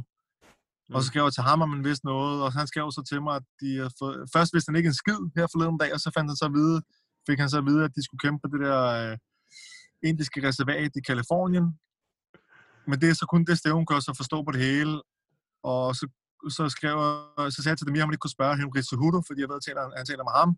Og jeg tænkte, men vente på det kort, hvor Panis skal på. Han var en af de første, der får det at vide. Han skrev så, øh, så tilbage til Demir, at, øh, at det stadig blev til noget. Og jeg prøvede bare at få sådan nogle info rundt omkring, hvor jeg nu kunne. Og så da de så dag, at det hele var blevet postponed, så tænkte jeg, "Nå, okay, så er der ikke noget at gøre. Så det hele bare... Det var også det, jeg, sådan, jeg havde set det komme, ikke? Øh, Men man havde håbet lidt til det sidste, at de kunne en løsning. Ja, ja, ja, præcis. Og det er jo, altså det er jo også det, vi så med, med Tony Ferguson og Khabib-kampen, og hele det der event, ja. det blev, det blev øh, offentliggjort, og så to dage efter, så blev det, altså, så blev det aflyst igen, ikke? Præcis. Det, jamen, det er jo helt sindssygt. Jeg tænkte, Ja, nu når vi har, nu når vi har dig, Nikolaj, så tænker øhm, Mads Benel, altså det, Ja. ja. han har jo fået, han har jo fået signet med, med Dominance Management med Ali Abdelaziz og de gutter der, Ja, ikke? ja. Og så der kan man jo kun blive nysgerrig på, hvad der kommer til at ske. Nu har han ikke selv sagt noget, øhm, Nej. altså hvad der kommer til at ske. Men, men altså, jeg, jeg forestiller mig, at du synes, det er et godt valg for ham. Det synes jeg. Altså, jeg, som jeg altid siger til dem, altså, de skal vælge frit manager, hvad de vil. Jeg hjælper dem meget gerne med det, og det gør jeg langt hen af, af vejen med mange af deres, øh, deres karriere, management deals og så videre. Øh, fordi jeg ved, der er mange øh, derude, der måske bare gerne vil have penge og, og sådan kampe, vi selv kan lave. Jeg har sgu mange kontakter efterhånden, så jeg kan selv lave mange af de kampe der, som, øh, som en manager måske vil komme og have 15% for at lave. Men når de når et vist niveau, og der er nogle rigtig dygtige etablerede manager, der kan skaffe noget, hvor de nærmest tjener deres egen løn hjem, plus at de skaffer kæmperne noget mere, så synes jeg helt sikkert, at de skal, de skal gøre det, og det hjælper jeg meget gerne med at rådgive og så videre. Øh, og det slipper også, så, så, sparer, jeg- så sparer jeg de kræfter på arbejde på den side af det, og mit hovedformål er egentlig også bare at være den bedste træner mulig for dem. Men jeg hjælper meget gerne med managerarbejde ved siden af. Men jeg synes, det er et fint valg, og, og, og vi har mødt ham nogle gange i Vegas før, ikke? øh, hvor vi har haft lidt forskellige opfattelser af ham, men, øh, Men Mads sagde, at han har været rigtig fin over for ham øh, sidst, og, og, man kan jo sige, altså der er mange ting, man kan sige om ham, men, men han gør fandme sit arbejde, ikke? Og han, der, han skaffer fandme nogle gode deals til folk. Og det er sådan set et eller andet sted det vigtigste. Er, at han skaffer nogle gode deals til, til Mads, og, og de får et fint samarbejde op at køre på det professionelle plan. Der er ikke nogen, der siger, at de behøver at være perlevenner. Øh, og, og, og hvis de kan finde ud af det sammen og så videre, så er det så sgu fedt, så støtter jeg dem op om det. Ja. Så øh, jeg tror helt sikkert, at de kan få noget godt op at køre. Jeg er spændt på at se, hvad, hvad fremtiden bringer. Der er Jeg gad, godt, ja, jeg gad godt at se de to som perlevenner. Ja, det kunne være sjovt. ja. Det kunne være sjovt. Ja. Så der, der, der sker en masse spændende ting, ikke? og vi, vi bruger bare tiden nu her, hvor der er ro på træningen, til at prøve at arbejde med nogle af de andre ting. Mm-hmm. Så det er fint. Jamen, jeg, vi glæder os. Jeg glæder, mig. jeg glæder mig til at se, hvad der sker med Mads. Altså, øh, nu, nu har vi jo ikke spurgt dig om, om hvad der, hvad, hvad du, hvordan du så ham i, i hans kamp mod Steve Amable, fordi vi synes jo, han så virkelig, virkelig crispy ud, ikke? Ja. Hvad var din, altså, hvad, hvad, var, jeg kan forestille mig, at du var ret tilfreds. Det var og, hvad hedder det, og, og uden for at det skulle lyde for arrogant eller noget, så hvad hedder det, var det faktisk præcis det, jeg havde regnet med kom til at ske, og det var det også for Mads. Fordi han, øh, som jeg altid siger, jeg, jeg gider aldrig at lægge en, det er ikke noget med, jeg gider, men jeg synes ikke, det er fornuftigt at lægge en alt, alt for stram gameplan, for det kan tit fuck med ens mindset. Så vi ligger altid bare sådan overordnet gameplan, lige sådan små ting, vi, vi skal være opmærksom på med modstanderens stil, og så ellers fokuserer vi bare på os selv. Øh, lægger man alt for stram gameplan, så kan det tit fuck med en, hvis det er det ikke lige sker det, som man havde forberedt skulle ske, og så der skal det modsatte, så kan det tit blive låst op i ens hoved. Mm. Så jeg synes øh, generelt er erfaringen, at kæmperne gør det meget bedre, når de sådan lidt øh, har frie tøjler. Men lige det her matchup her, der kunne vi bare se, at, at, at, øh, at Steve Emmerbåd, han var bare sådan picture perfect, hans stil i forhold til Mads. Øh, så så vi, vi, havde sådan, vi kunne godt sådan forudse lidt. Selvfølgelig kan det ske, øh, og selvfølgelig skulle vi være skarpe hele kampen igennem, men vi kunne godt se lidt, at det var det, der ville være kommet til at udfalde, og det var en kamp, hvor Mads kom til at shine rigtig meget, og hvor han virkelig kunne forvise folk, at han er altså også andet end en Japanese necktie guldkamp. For det ved vi andre jo godt, der træner med ham hver dag. Men, øh, men han også skulle huske folket på, at øh, han har altså stadig et rigtig godt stående. Ikke? Jo, jo, jo, jo. Så vi havde regnet med, at det ville komme til at ske det der. Helt sikkert. Så Fedt. jeg var, jeg var rigtig tilfreds. Helt klart. Jamen, han sagde det samme, da vi spurgte ham. Så det var, det var super flot. Rigtig flot performance af ham. Tror du, vi ser Mads i organisation, hvis inden året er om, men hvis at folk kan få lov til at kæmpe igen? Ja, det tror jeg. Det tror jeg. Fedt. Det Nu, ja, men det, det, altså, det går jo også den vej, kan man sige, med management, og han har haft så gode performances, ikke? Det må man sige. Ikke? Så, så lad os se, hvad, hvad, hvad tiden bringer, og hvad Case Warriors har på tapetet, og hvad, hvad, hvad andre kan, kan bidrage med, og hvordan det hele flasker sig. Ikke? Men øh, det, det tror jeg, der håber der, at Mm. det kommer til at ske. Ja, vi, har, vi har også fået nogle spørgsmål. Vi nåede jo lige at sende et, et opslag op, øh, eller ja. jeg smed et opslag op. Øh, så vi har et par ja. spørgsmål. Det første der er for Navid. Han spørger, øh, om du har en all-time favorite fighter. Ja, ham jeg faktisk nok har fulgt mest, og som jeg sådan, øh, har været mest en fan af, hvis man kan sige det. Det skal nok være Anderson Silva. Ja. Anderson Silva tror jeg faktisk er en af mine... Øh, han må nok være den... Han må nok være min favorit. Jeg synes, mm. han var sej. Hans øh, store, han lavede sgu nogle, øh, nogle fede, flashy ting, synes jeg ikke. Og jeg ved sgu ikke, jeg synes bare hele sådan auren omkring ham, der var i den, øh, den overgang, der, den var, den var rigtig fed. Så øh, det er nok, altså generelt synes jeg bare, al, altså alt er fedt, jeg siger, jeg er den største fan af det, jo selvom jeg er så meget inde i det selv, så er jeg kæmpe fan af det også. Mm. Så der er mange, jeg synes er pisse gode, og, og som jeg har været lidt fan af, men Anderson Silva er nok den, der slår mig som det første. Jamen, han også er, var lige lang tid. han var The Matrix. Han var præcis, det var for sindssygt. Ja. Han lavede vanvittige ting. Så Julian, han spørger, om uh, du har naver på, når du er på vej ind til ringen. Det bliver bedre, men jeg har det stadigvæk, vil jeg sige. Jeg prøver at skjule det lidt foran kæmperne, men øh, ja, det var noget, jeg faktisk skulle arbejde rigtig meget på. Øh, de første del år, som, øh, hvor jeg begyndte at træne øh, folk og coachen og sådan nogle ting der på højt niveau. Der skulle jeg virkelig sådan, øh, øve mig i at, og, og ikke at være så nervøs, og, for jeg havde den nærmest som jeg selv skulle kæmpe. Også fordi jeg selv har kæmpet før, så, så jeg, vidste jo, jeg, jeg vidste jo, hvad de gik igennem. Og det kunne jeg også godt høre på mig selv. Jeg, lytter, jeg prøver tit at lytte på mig selv efterfølgende, ligesom man sidder og ser sig selv kæmpe så prøver jeg at lytte på mig selv efterfølgende og sådan lytte på, hvad jeg siger, når jeg coacher, hvor rolig jeg er i stemmen, hvad for nogle ting jeg siger til dem på de givende tidspunkter osv. Jeg prøver at øve mig i, og så lytte på det efterfølgende. Og det gør jeg rigtig meget i starten, når du kan høre på mig selv, jeg kender mig selv ordentligt, så kan jeg høre på mig selv, at jeg er nervøs, og det, det udsprang i min stemme. Så det prøver jeg at øve mig rigtig meget på. Og, og i hvert fald, det er fint, jeg er det, men så dulmer det ned, så jeg kunne have en rolig, øh, rolig stemme, og, og, og vise dem ro og overskud, kæmperne, når de har mest brug for det. Ikke? Øh, men jo, jeg er nervøs, men, øh, men, øh, men jeg behersker det. Helt klart. Var du så mest nervøs, da du selv kæmpede, eller som coach? Faktisk de første par år som øh, coach på højt niveau, der var jeg lige så nervøs, som da jeg selv kæmpede. Okay. Der var der skulle, ja, der skulle jeg også ud og tisse og på toilettet og svede i håndflader og sådan ting. Det var helt vildt. Jeg skjulte, skjulte det bare for dem, jeg stod i andre for, ikke? men der havde jeg det helt sindssygt, fordi at jeg vidste lige præcis, hvad det gik igennem, og hvad for en følelse, det havde i kroppen. Ikke? Og så også fordi man selvfølgelig vil dem det bedste. Ja, du har ikke rigtig noget kontrol, sådan rigtigt. Nej, præcis. Så ja, det Men, jeg altså, på. Ja, jeg kan huske, øh, der hvor jeg var i, øh, i Nicks ringhjørne, med, hvor jeg skulle filme nogle videoer til ham, i, ja. i, i Brøndbyhallen, der kan jeg huske stemningen inde i omklædningsrummet, den gik meget hurtigt fra at være sådan, okay gutter, nu, nu er vi klar, vi er her, til at være virkelig fokuseret. Altså jeg har jo, ja. klip, jeg har jo klip af dig og Barnø, hvor I står, altså I står ja. helt oppe, og du står virkelig og fokuseret på, øh, og, og ligesom give ham det, han skal bruge, inden han går ind i kampen. Er det noget, du har lært løbende? Det, det lyder som om, det er noget, du har lært løbende i hvert fald. Ja, det er noget, jeg lærer lidt, men det er også, jeg øvet mig meget på. Fordi at, øh, at, at der, altså, jeg, jeg prøver også lidt på andre coaches, så, sådan, men ligesom man øh, lærer kampsport, så kan, du, så kan man også lære på en måde at blive en god træner.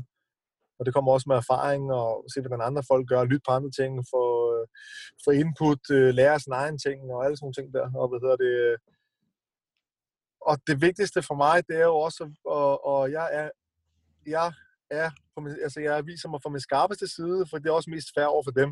For de har lagt utrolig meget i det, så skal jeg også være så professionel, som jeg overhovedet kan være, og være så skarp i mine øh, replikker, så skarp i mine, øh, mine observationer, som overhovedet muligt over for dem. Fordi at, at, at det, er jo, det er jo deres karriere, jeg, jeg også ligesom øh, prøver at hjælpe frem her. Ikke? Og, øh, og der er det også vigtigt, at jeg er 100% fokuseret og i the zone, og giver dem nogle... Øh, selvfølgelig kommer jeg også til at, at sige forkerte ting nogle gange og lave fejl og så videre. Det er jo umuligt. Det er jo splitsekunder, du skal nå at reagere på. Ikke? Hmm. Men, øh, men virkelig være i the zone, når det, når det, når det går ned, fordi det, det er også mest fair over for dem, at jeg er det. Fordi det, det er der, de har mest brug for det. Ikke? Mm. Mm.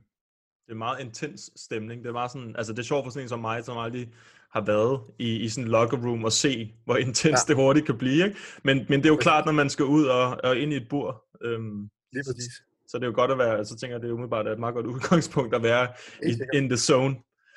Helt sikkert. Jeg vil sige, som, altså på amatørplan, der øh, selvfølgelig er jeg stadig i the zone og så videre, men der prøver også, der prøver også med vilje at være lidt- lidt mere loose og lidt mere afslappet, så de ikke skal være alt for nervøse. Ligesom, op hvorfor er coach lige pludselig helt stramt i træk og så videre, men der prøver jeg ligesom at være lidt mere, så de, de også føler, at du ved, nu skal vi hygge os, og I skal ind og lære, og det er sgu ikke så vigtigt, at I lige får, at I lige får den vildeste sejr her nu. Nu skal I ind og øve på nogle af de ting, vi arbejder med og så videre, så de også ligesom får den feeling og stemning. Så der er lidt mere afslappet. Selvfølgelig er fokuseret for deres skyld, og, men også ligesom for, at de ikke, ikke bliver alt for nervøse. Der er en lidt mere afslappet jargon, til de begynder at blive mere professionelle, og de begynder ligesom at nå et højere niveau, så de også selv kan finde ud af at være i det der med, okay, nu, nu skal vi skulle ligesom have fokus og så videre. Ikke? Mm. Så der, på amatørplan er jeg en lille smule mere afslappet over for dem, og det med vilje, det er bevidst, for at de netop også kommer til at være lidt mere afslappet i det. Ja, det, det lyder spændende. Ja. øh, vi, har, vi har et sidste spørgsmål, og Ja. det er fra Malte. Han spørger, hvem vil vinde af jer to, og det er dig og Jason. Mig og Jason, man, det vil blive en, øh, en knockout med en straight right for os begge to. Jason er sagde, at du vil vinde. Hverken eller Jason vil vi give os, så det bliver krybnet ud af ringen til sidst. Han er sgu smart, ja. Er, ikke- ja, der er sgu kun respekt til ham. Ja, Ej, men han sagde, jeg tror også, han viste respekt til dig, og han sagde, der er ikke nogen, der kan fuck med head coach nede i Arte Suave. Fedt nok. Nå, men, øh, altså det, det, var jo det var i virkeligheden bare det. Vi sagde jo ikke, at vi ville tage for meget af din tid. Du skal jo også tilbage og, og spise noget lækker, lækker mad fra grillen. Og spise nogle grillspyd og noget hummus. Ja. Det lyder godt. Jamen, det var perfekt, Kupti. Vi kan jo lige uh, snakkes ved, når, når det hele er overstået med alt det her, så kan du jo komme på rigtigt. Så kan vi tage en lang snak. Selvfølgelig. Helt klart. Øh, det lidt kan vi mere sagtens detaljeret. Det er perfekt, Nikolaj. Tusind tak, fordi du Fedt, kom drenge, og tak for, jeres, øh, tak for jeres gode arbejde og jeres tid. Ja, tak. Selv tak. God søndag. God aften? Jo, vi ses. Hej. Hej. Hej. do you foresee for your future? I foresee for my future one, two, three, ten drinks tonight. Inden vi går videre, så vil jeg bare lige fortælle jer om vores nye samarbejde med tier.dk. Tier.dk er en hjemmeside, hvor man kan støtte øh, podcast og lignende projekter, og de fleste store podcast i Danmark, de har et samarbejde med tier.dk.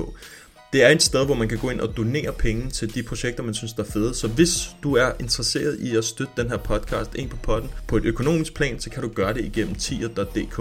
Som det er nu, og som det har været fra starten af, siden vi startede en på potten, så har vi brugt vores egen penge, og vi bruger penge på at lave podcasten. Vi tjener ikke en rød reje på den her podcast.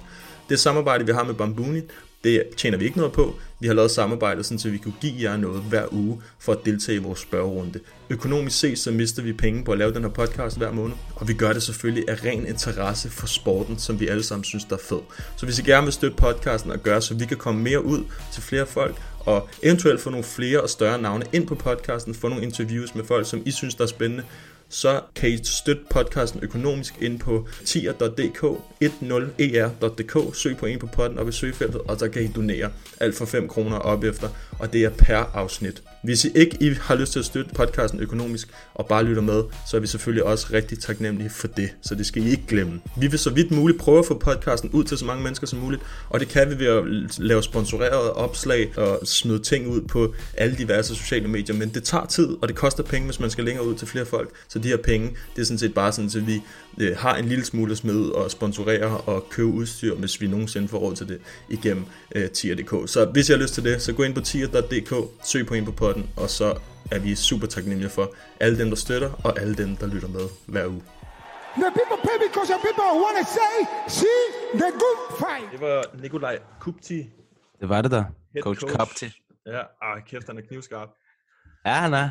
Det er han sgu. Øh, han, ved, han ved i hvert fald, man kan høre, at han er rutineret øh, i det, han laver. Og også, det kan man jo også se på, på resultaterne i Arte.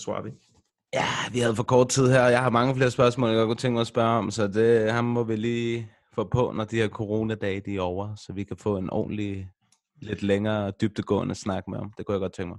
Ja, ja, det er der mange af dem, jeg godt kunne tænke mig. Øhm, Ja. Ja, det var jo gæsterne. Vi, vi som sagt, Jonas Mogård og, og Mikkel Parlo, de er, den er næsten 100% confirmed til næste uge. Så det bliver fedt. Der skal vi selvfølgelig nok lave et opslag, lige så snart vi ved det. Og så kan Ja. I stille spørgsmål til det. Men inden vi slutter af, så har jeg jo lige en, øh, en lille fem Forgotten Fights Oh lord. til folket. Og der er faktisk en af mine all-time favorite fights på den her liste her. Øhm, det er sådan en, jeg ikke har forgotten, men alligevel lidt, så jeg er blevet nødt til at se den igen. øh, men jeg tror, der er mange derude, der har, der har glemt den. Den kommer som den sidste. Den Okay. første, det er Alan Belcher mod Kendall Grove tilbage i UFC 69. 2007. Og jeg var inde og kigge på nogle forskellige middleweight kampe og kæmper og tænkte, hvad fanden... Øh... Så var jeg inde og se på, at du spurgte mig også Michael Bisping, om, om han var på listen. Og, sådan. og så der er der jo den der kamp med Alan Belcher og Michael Bisping. Mm. Og så, øhm, og så så jeg, der stod noget med Kendall Grove og Alan Belcher, så tænker jeg, den der, den går jeg lige ind og ser. Og for jer, der ikke kan huske Kendall Grove, der var han vinderen af Ultimate Fighter for mange, mange, mange sæsoner siden. Og han var en af de højeste kæmpere, der har været øh, i UFC. Han er, er en 1,98, tror jeg. Ej, han var ret hyped også. Ja, han var, og han hed, hans nickname, det var også The Spider. Han Ja. var rigtig lang og havde god øh, sådan noget Muay Thai clinch og vilde knæ, og, og han var også rimelig god på gulvet. Han minder lidt om Brandon Vera. Ja, en lille smule. Det er rigtigt. Øh, Han var bare lidt mere, lidt mere skinny. Ja, meget skinny. Ja. øh, men han var høj, og den kamp, den er... Øh, lad mig sige det sådan, uh, Alan Belcher, han var jo også, for jer som måske kender ham, men han var også, altså han, han var en fed kæmper. Han gav den gas i alle hans kampe. Øh, og stort set alle de kampe, han har været i, de er faktisk ret underholdende, øh, hvis man husker mange af dem. Og, øh, og det var i, i deres unge dage begge to. Og det, den slutter af med øh, første, jeg siger ikke, hvad der sker, jeg siger bare, øh, den, jeg siger ikke, hvem der vinder, eller hvad det er. Jeg siger bare, den submission, der bliver lavet, det er første gang, det bliver lavet i UFC's historie. Øhm, så der kan man jo gå tilbage og se den, hvis man har lyst. Og det var, ja, det var tilbage i 2007. Der er sket meget siden. Kendall Grove, han har siden da været i Bare Knuckle Fighting Championship, tror jeg, to gange. Jeg er ret sikker på. Hmm. Øh, så han kæmper stadig. Og det var tilbage for ja, et år eller to siden, tror jeg. Øhm, Ja, ja, men tænker, det, hvad for en submission det kunne være. ja, og den hed, den hed, den, de sagde det, øh, i, på kommentatorsporet, da det skete, så kaldte de det det ene, men da jeg var inde og kigge, så kaldte de det noget andet. Okay. Så ja, den, øh, den skal man lige gå ind og se igen, for, for at blive reminded. det er Joe Rogan, der siger, at det, det højst sandsynligt er den første i UFC-historie. Og han plejer at have rimelig godt tjek på det der. Ja, især med submissions. Ja, præcis. Så har vi, øh, apropos en, der er god til submissions, så har vi Damian Maia mod Chael P. Sonnen. UFC 95, og øh, det er tilbage i 2000, 2009. Og der, øh, der var det jo, inden Chael Sonnen blev den, han er, skulle jeg til at sige. Han var ikke en trash talker. Han var ikke, man kender ham ikke for, man vidste dog nok, hvem han var. Han var bare en god bryder, og det var det, han var, ikke? Og, øhm, Mm. og han havde, men han havde stadig rigtig meget rutine. Han havde stadig over 30 fights på det tidspunkt. Og Damian Meyer, han var relativt ny. Han var 10 10-0. Øhm, og den kamp, den er, øhm, ja, det er en af mine yndlingskampe, der har været. Fordi at den er bare, det, det er bare genialt, det der sker i den. Og, øh, og Chael Sonnen, altså man ved jo, Chael Sonnen, hans, hans opgave er for det meste at få, få folk ned, og så lave noget ground and pound. Øhm, men han, han, han var lidt øh, hesi, altså han hesitated lidt, fordi han skulle mod Jiu-Jitsu master i Damian Maia, ikke? Ja. Og, og den er helt sikkert værd at se, fordi at den, det er bare, der sker bare nogle, noget nice i den, øh, i den kamp. Det er sjovt at se Chael Sonnen der, i forhold til Chael Sonnen mod Anderson Silva, første gang de kæmpede. Øhm, fordi det sjove var, at, at altså, han, han, der var han ikke bange for at blive submitted. Der var han bare, Anderson Silva, han skal bare ned, og så skal jeg bare hamre ham. Ja. Øh, mod Damian Meyer, der kunne man godt se, der var han lidt bange. Kan jeg godt forstå. Ja, ja det vil jeg også være. Det kan jeg godt forstå. Så har vi uh, Kong Lee mod Vandalay Silva. Ja. UFC 139 tilbage i 2011. Og jeg tror faktisk, det var Kong Lees UFC-debut. Og jeg ved ikke hvorfor. Han har altid, Kong Lee han har altid mindet mig om sådan en, en far til en asiat, jeg gik i parallelklasse med. Eller sådan, han var sådan, du ved, han var sådan lidt, han, nice. var, ikke, han var ikke ripped, Nej. øhm, men man kunne se, at han var buff indenunder lidt fat. Du ved, sådan, han havde den der lidt dad bod, men lidt mere ripped. Han havde den der Calvin Gastelum-krop. Ja, præcis. Og så var han bare lidt ældre, så han lignede bare sådan en far, der sådan helt serious, der bare sad og så et eller andet program. og spiller spillet Tekken. Altså, det var sådan... Men han havde nogle vildspark øh, teknikker, da han kom til USA, og øh, Ja. ja. dem viste han mod Vanderlei Silva, det, og, og han lavede spinning, hook kick og axe kick, og jeg ved ikke hvad. Og mange af dem, de ramte faktisk.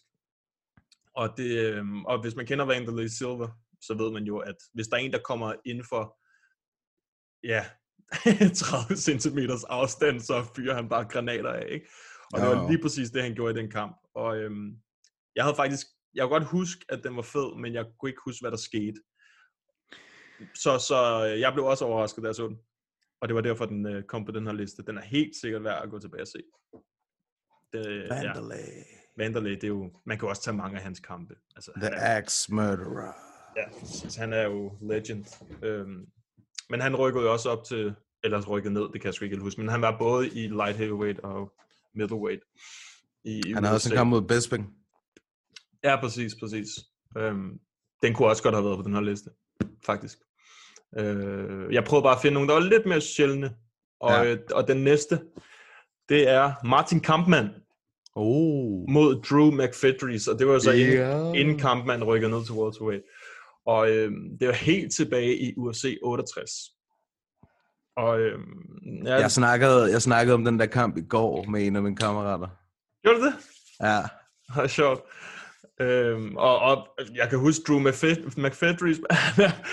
Kæft, hvor var han stor, mand. Ja, han var kæmpe stor, var. Og han havde, øh, han havde granater i de hænder der. Han, man kunne også se, at han var bare ikke bange for kampmand. Mm. Og det, det, var det, der var det, var det, der var det vilde ved den kamp. Ikke? At, øh, at kampmand, som også er striker, altså han er en relativt god striker. Og så Og er en sindssygt god striker. Ja, og så Mc, McFedries, han gik bare duf, duf, duf, og så, øhm, ja, og så smed han bare de der, de der hammer der. Og der, øh, der kamp man, der viser han, at han ikke går ned efter et slag i hvert fald, øh, eller to. eller tre. Men han, men han, øh, kampmand, han er jo sådan, når man ser mange af hans kampe, eller nogle af hans kampe i hvert fald, så får han lige et par slag ind, hvor man tænker, wow, det er ikke så godt, og så, så holder han alligevel ud, så viser han, at han har et, øh, en god chin og et godt hjerte. Ikke? Øhm, U- uden at afsløre, hvad der sker, er det så ikke, uh, der er et comeback i den kamp, der er der ikke det? jo, der er et comeback. Ja, Ja. ja, ja. Øhm, ja jo, det jo. var præcis den, jeg snakkede om i går med en kammerat, den der faktisk. Ja, og hvis man, hvis man ser den her kamp, og så tænker, wow, den er fed, så skal man også gå ind og se Martin Kampmann mod Jake Ellenberger bagefter. Uh, The Juggernaut. The Juggernaut, der. Den minder lidt om den samme. Den sidste, det er en af mine all-time favorites. Og øh, den er episk på den bedste mulige måde. Det er Chris Lieben mod Yoshihiro Akiyama. UFC 116, 2010. Øh, Jeg tror faktisk, det var Shane Carwin og Brock Lesnar i main event. Så vidt jeg husker. Åh, dit første MMA-bet. Mit første MMA-bet. Ja, som jeg jo, mit første ja. og eneste i 10 år. jo, det var det. Det var Shane Carwin og Brock Lesnar. Jo, jo. Og det her, det var co-main, kan jeg se her. Og øh, det er, altså, Chris Lieben, alt hvad han, hvad han lavede inde i det bur, det var jo underholdende. Han var jo en zombie. Han var drunk. Jamen, han, ja, ja, vi har jo snakket om hans kamp mod Anderson Silva, hvor man virkelig, virkelig kunne se forskel på striking-niveau og mismatch. Men øh, Akiyama, han kunne også godt give den gas, og han var jo, øh, han var jo et Japanese supermodel. Sexy Yammer. Sexy, det er af de fedeste nicknames. man. Sexy Yammer. det er genialt. Jeg kan forestille mig, at han, øh, han fik rigtig mange damer i Japan, kan jeg forestille mig. He gets the poontang. Ja, han ligner sådan en direkte ud af Tekken 3 eller sådan noget. Ja, men det er rigtigt. Men den kamp frem og tilbage, brydning, øh, striking, vilde knockdowns og fuldstændig kaos. Og til, altså det sidste hvad, 30 sekunder, eller sådan, så står publikum bare op. Altså sådan, fordi det bare er intens battle, ikke? Øh, og, og ja, bare se den her, uden at vide, hvad der sker, fordi det er sådan, jeg sad og klappede i mine hænder, da jeg så den her. og det gør jeg stadig, når jeg ser den igen. Fordi jeg er bare sådan, what the fuck, det er crazy fight. Og Akiyama, han var jo også judo, altså øh, sortbælte i judo, så han svingede bare rundt med Chris Lieben, kaster ham bare rundt med alle mulige vilde trips og sådan noget. Det, det er ret vildt at se, og Chris Lieben, han holder bare ud som altid. Zombie style. Fuldstændig zombie style. Så den er, øhm, ja, det er en af mine all-time favorite fights generelt, faktisk. Øh, Så den, øh, den kan jeg altid se. Det var de Så er fem. der lidt at se på. Ja, det er der. Øh, Og så næste gang, så fyrer du op for noget welterweight. Ja. Helt sikkert. Og jeg tror, folk de godt kan lide uh, vores Forgotten Fights. Ja, der er nogen, der har spurgt om noget, øh, om Ja. hvad for nogle præcis, der var, vi snakkede om. Sådan noget. Ja, ja, ja. Ja, så det, øhm, jamen det er alle sammen, jeg, jeg skriver dem, øh, vi skriver dem ind i det der beskrivelsen af episoden, så kan man lige scrolle ned og se.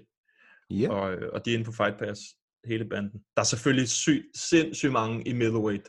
Altså det er lidt, det er lidt sværere at finde, det er lidt sværere at vælge. Ja, det er svært at få det ned til fem.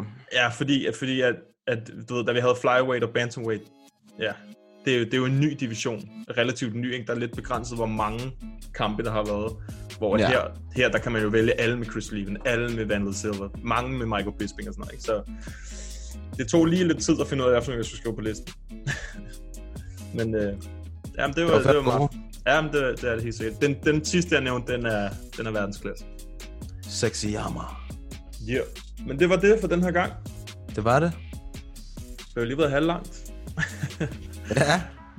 Så øhm, jamen, der er jo ikke andet for at sige, at vi kommer tilbage næste uge, og så øh, må I have God. God.